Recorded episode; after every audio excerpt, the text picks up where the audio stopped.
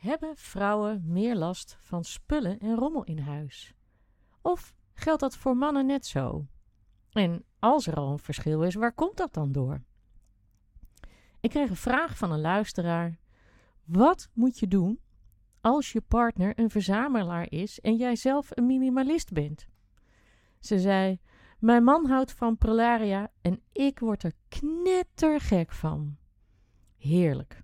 Daar zijn zeker tips voor en daarom vandaag in de Organize Your Life podcast. Help, mijn man is een verzamelaar.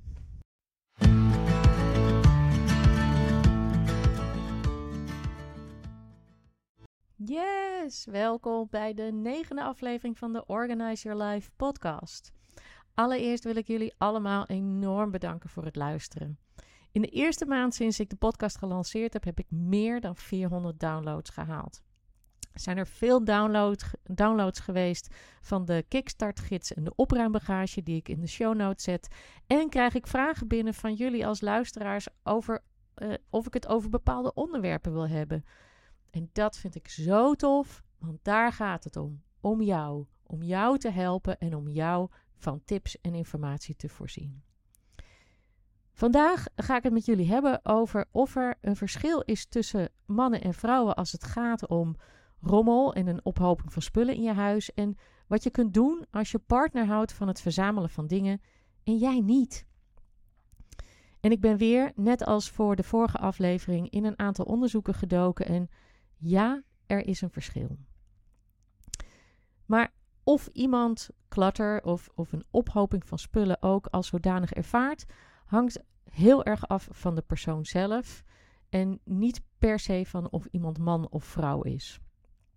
Het kan bijvoorbeeld komen door opvoeding. Het was bij iemand thuis heel erg netjes en uh, werd uh, persoon misschien aangezien als een slecht of ondeugend kind als dienstkamer niet netjes was. Hè, waardoor uh, dat soort gedrag of angst voor afwijzing op latere leeftijd doorspeelt en iemand dus nog steeds heel erg netjes blijft, of juist het tegenovergestelde gedrag gaat vertonen en er heel erg tegen gaat rebelleren en altijd alles heel rommelig wil hebben. Of iemand heeft misschien, vaak in het geval van vrouwen is dat zo, thuis een heel traditioneel rolpatroon gezien. Uh, waarbij uh, de moeder vooral uh, bezig was met het huis netjes houden. En is dat er heel erg in ingeprent en meegenomen in het eigen volwassen leven. Want het is, ik zei al van, hè, het, het hangt er vanaf van de persoon zelf, niet per se of iemand man of vrouw is. Maar wat wel gebleken is uit onderzoek, is dat vrouwen vaker meer stress en onrust ervaren van een rommelige woning dan mannen. Maar dat is zeker niet in alle gevallen zo. Uh, ik, bijvoorbeeld toen ik mijn man leerde kennen, zijn uh, kamer, appartement, was heel erg opgeruimd en heel erg netjes. En uh, ook de ruimtes waar hij, zich, waar hij zijn werk doet bij ons in huis, is dat nog steeds zo. Ik was bijvoorbeeld vroeger, als ik kookte, was ik altijd een enorme slop. ik flikkerde altijd alles gewoon overal neer. En toen ik mijn man leerde kennen, de verdeling was ik kook en jij ruimt op. Nou, die werd er op een gegeven moment helemaal knettergek van. Die zei, ja, hou, wacht even. Uh, dik prima dat jij kookt, en, uh, maar je maakt er wel echt een enorme teringzooi van. Waardoor hij bijna drie keer zo lang bezig was met opruimen als ik met koken. Dus ik moet heel eerlijk zeggen, ik ben niet altijd zo geweest. En sommige dingen heb ik van hem geleerd. Maar, even terugkomend op uh, het ervaren van stress en onrust als je huis rommelig is. Het is wel zo dat vrouwen daar dus, wat ik net al zei, meer stress en sneller stress van ervaren. En dat komt volgens de onderzoeken die ik heb gelezen, doordat vrouwen zich identificeren met de staat van hun woning. En helaas komt dit nog steeds door ja, toch de traditionele rolverdeling, waarbij van vroeger uit het schoon en opgeruimd houden van het huis als een taak van de vrouw werd gezien.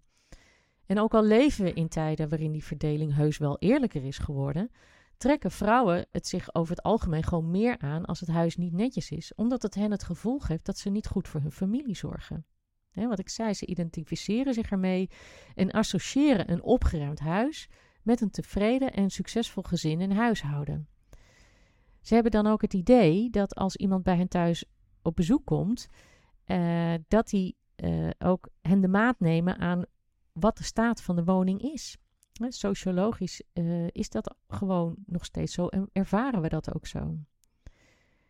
In heteroseksuele relaties is het ook zo dat veel vrouwen het werk binnenshuis doen en mannen veelal het werk buitenshuis. En dat kunnen we in 2023 hopeloos ouderwets vinden, maar het is gewoon in heel veel gevallen ook gewoon zo. Bij mij ook. Mannen hebben er minder last van. Ze registreren wel dat een omgeving rommelig is, maar ze laten het niet uh, hen definiëren of, of, of niet toe dat het iets over hen zegt. En ze voelen ook gewoon minder urgentie om er iets aan te doen. Plus, zij hebben er minder last van, van het gevoel dat ze bijvoorbeeld door bezoek beoordeeld worden. En, de, en want bezoek denkt heel vaak: ach ja, het is een man, het is een man alleen. Hè? Dus het is ook echt iets van vroeger uit. Nog iets anders, of wat anders geldt voor mannen dan voor vrouwen. Mannen ervaren bezittingen en spullen vaak als een bron van ontspanning en trots en niet van stress. En zij denken, ja, dat zijn mijn spullen. En vrouwen denken, Jezus, wat een zooi. En wat kun je nu doen als je fundamenteel verschilt van je partner als, hoe je over die spullen denkt? En wat nu als jij heel veel waarde hecht aan een opgeruimde en geminimaliseerde omgeving, omdat je je daarin gewoon fijner en rustiger voelt, en je geliefde, die snapt het maar niet. Dan heb ik een paar tips voor je. Ten eerste, je woont met z'n allen in één woning. Appartement, een huis, een studio, whatever. Met z'n tweeën of met kinderen erbij. In die ruimte, die zul je met z'n allen moeten verdelen. Iedereen heeft recht op een stukje. Uh, bijvoorbeeld bij mij thuis.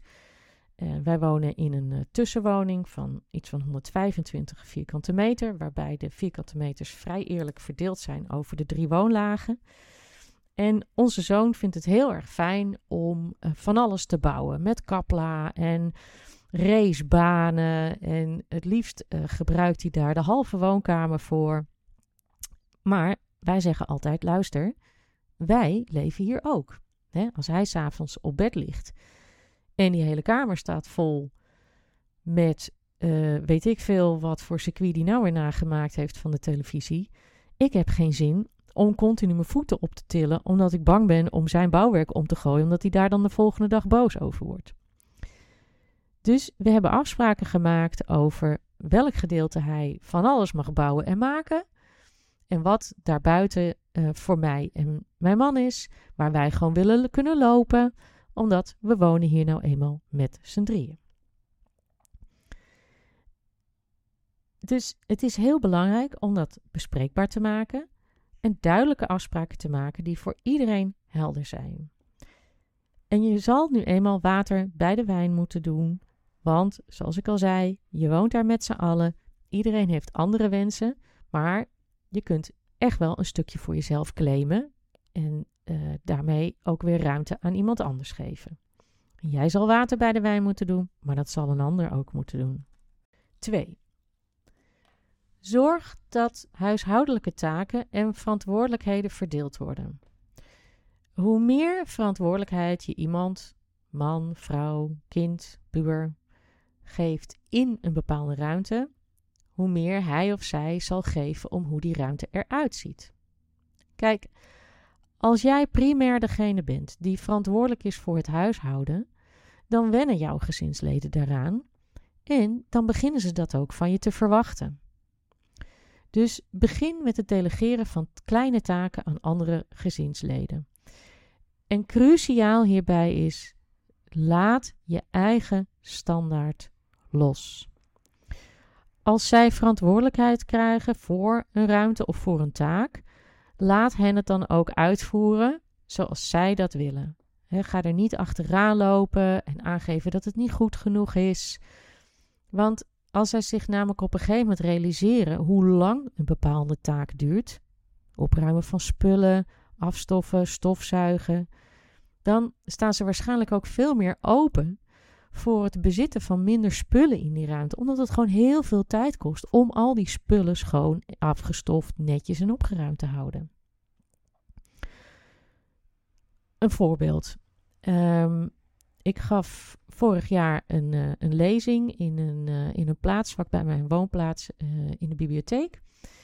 En daar kwam um, een dorpsgenoot van mij naartoe met haar zoon van toen 20 jaar oud.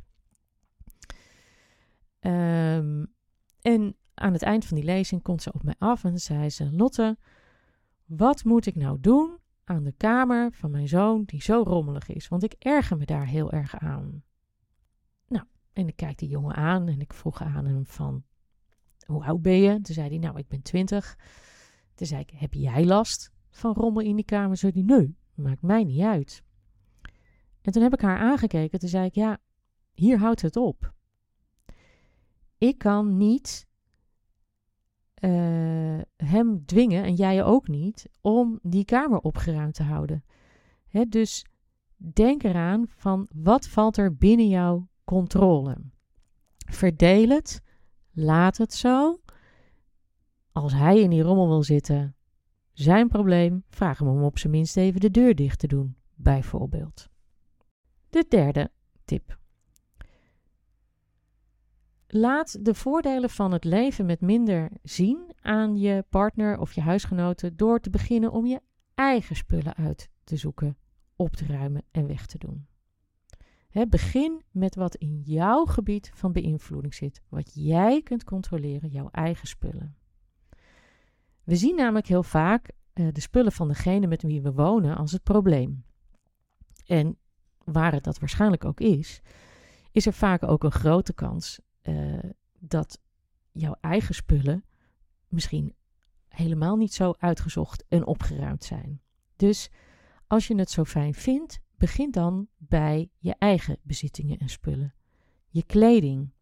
Heb ik een aflevering over opgenomen. Volgens mij was het aflevering 4. Je keukengerei.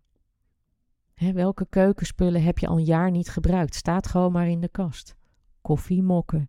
Hoeveel koffiemokken heb je in de kast staan? Waar is een chip uit? Wat gebruik je al jaren niet meer? Kan gewoon weg, toch? Spullen misschien met emotionele waarde, die je heel, heel krampachtig bij je houdt.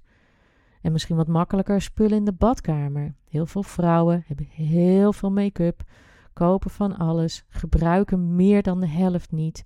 Dingen die je een jaar geleden open hebt gemaakt en sindsdien niet meer gebruikt hebben, moet weg. Er zit een houdbaarheid van een jaar aan. En als je dan bezig bent om je eigen spullen uit te zoeken en uit te dunnen, ontstaan er legere en overzichtelijke ruimtes in het huis. Je begint je lichter te voelen, je stemming zal verbeteren en je gaat meer tijd krijgen voor andere dingen. En als je huisgenoten, je partner, je dierbaren dat zien, dan zullen ze gaan opmerken wat de voordelen zijn van leven met minder. In de neurowetenschap zien we ook vaak terug dat we gaan lijken op degene met wie we de meeste tijd doorbrengen, dankzij spiegelneuronen in onze hersenen. waar je mee omraakt, daar raak je mee besmet, zeggen ze ook wel. Onze acties en onze verbeterde emotionele staat uh, wordt dan opgemerkt en kan besmettelijk werken op psychologisch niveau. En gedurende de tijd, als we consequent blijven met betrekking tot opruimen en het netjes houden, heb je de kans dat onze geliefden sommige acties gaan imiteren en ook meer openstaan om te leven met minder. Vierde tip. Praat met je dierbaren over spullen, over ophoping van spullen en over opruimen. begin het gesprek met hun over die rommel en over het effect op jou. Maar bedenk even op welk moment je dat doet en hoe je het zegt. En als jij gestrest bent over de spullen van je partner of rommel in huis, is dat vaak niet de beste tijd om dat gesprek aan te gaan. Dus kies een moment waarop je rustig bent, je de volle aandacht van je partner hebt. En het kan helpen om feiten van onderzoeken te noemen over rommel en, en hoe die rommel je fysieke en je mentale gezondheid beïnvloedt. Als je daar meer over wilt weten, ik heb daar in aflevering 8 ook iets over verteld. hoe, je, uh, hoe cortisol, je stresshormoon, toeneemt als je continu rommel om je heen waarneemt. En als je dat vertelt en je gaat dat gesprek aan, kijk hoe ze reageren. En geef hen ook de vrijheid om te reageren zoals ze willen. je kan iemand niet dwingen. En een paar dagen later kun je nog eens heel neutraal en zonder emotie nog eens daar een opmerking over maken of iets terughalen. bijvoorbeeld over hoeveel rust en hoeveel, hoe, wat voor ontspannen gevoel het je geeft als je je in een opgeruimd huis bevindt. Hou je opmerkingen positief en casual en consistent. Niet, niet uh, zeurderig en continu, maar je kunt er af en toe best wel even iets over herhalen. Want het zal heus niet van de een op de andere dag gebeuren. Maar je partner en, en huisgenoten zullen echt wel gaan realiseren hoe belangrijk het voor jou is om in een opgeruimde omgeving te wonen. En echt van iemand houden is het beste voor een ander willen. En in dit geval houdt dat in dat ze je wens en behoefte voor minder spullen gaan respecteren en uiteindelijk zullen gaan helpen in de nieuwe manier thuis. En ja, ze zullen vast nog steeds minder last hebben van spullen die rondslingeren, maar je hebt wel over en weer meer begrip en ze zullen sneller geneigd zijn om je te ondersteunen hierin. Dus, nog even de stappen op een rij. Bespreek met z'n allen dat je in één huis woont, dat iedereen andere wensen heeft en dat je daar met elkaar uit moet komen. Is je man een verzamelaar, maar jij niet? Kijk waar je elkaar tegemoet kan komen. Welk gedeelte van jullie woning kan hij zijn gang gaan? Welk gedeelte is van jullie samen en welk gedeelte is van jou alleen? Je hebt nou eenmaal niet meer ruimte dan dat je hebt, dus je zult het ermee moeten doen. Allemaal. En erken ook wat eventueel die verzameling of die spullen voor hem betekent. Vraag ernaar: waarom heb je dit? Wat doet het met je? Welke behoefte voldoet het? dan heeft het, geeft het jou ook meer inzicht in wat het voor hem betekent. Kijk of je huishoudelijke taken kunt verdelen en er afspraken over kunt maken. Ga niet over de schouder van je huisgenoten meekijken. Over tijd realiseren ze zich echt wel hoeveel werk het is. Geef ze tijd. Accepteer dat je voor nu alleen controle hebt over je eigen spullen en begin daarmee. Geef het goede voorbeeld zijn. Eh, geef het goede voorbeeld. Het kan natuurlijk niet zo zijn dat jij je de ballen ergert aan de bierveeltjescollectie van je man en zelf een uitpuilende bak nooit gebruikte make-up ergens hebt liggen in de badkamer. pak categorieën aan die van jou zijn, waar jij een beslissing over kunt nemen en begin daar. En als laatste, ga op een rustig moment in gesprek over de voordelen van een opgeruimd huis en leven. En geef je partner de ruimte op zijn of haar eigen mening en reactie. En blijf het af en toe adresseren op een emotioneel neutrale manier. Nou, ik ben super benieuwd uh, wat je uh, van deze tips vindt. Ga ze toepassen. Ik, ik uh, ben heel benieuwd hoe het werkt um, bij jou thuis. Wil je de tips nog eens rustig nalezen? Ik zet een link naar download van deze specifieke tips van deze aflevering in de show notes. Natuurlijk ook weer een link naar de Kickstart gids met 10 super eenvoudige opdrachten die echt iedereen kan doen om meteen al meer rust en ruimte en flow in zijn leven te krijgen. Um, heb je behoefte aan andere tips? Wil je dat ik over een specifiek onderwerp een keer een uh, aflevering opneem? Laat het me weten. Um, stuur me een berichtje via Instagram of via uh, e-mail. link staat ook in de show notes. Want iedereen die je kan helpen Ehm, een beetje meer rust en ruimte in zijn leven te krijgen. Daar ben ik ontzettend blij mee.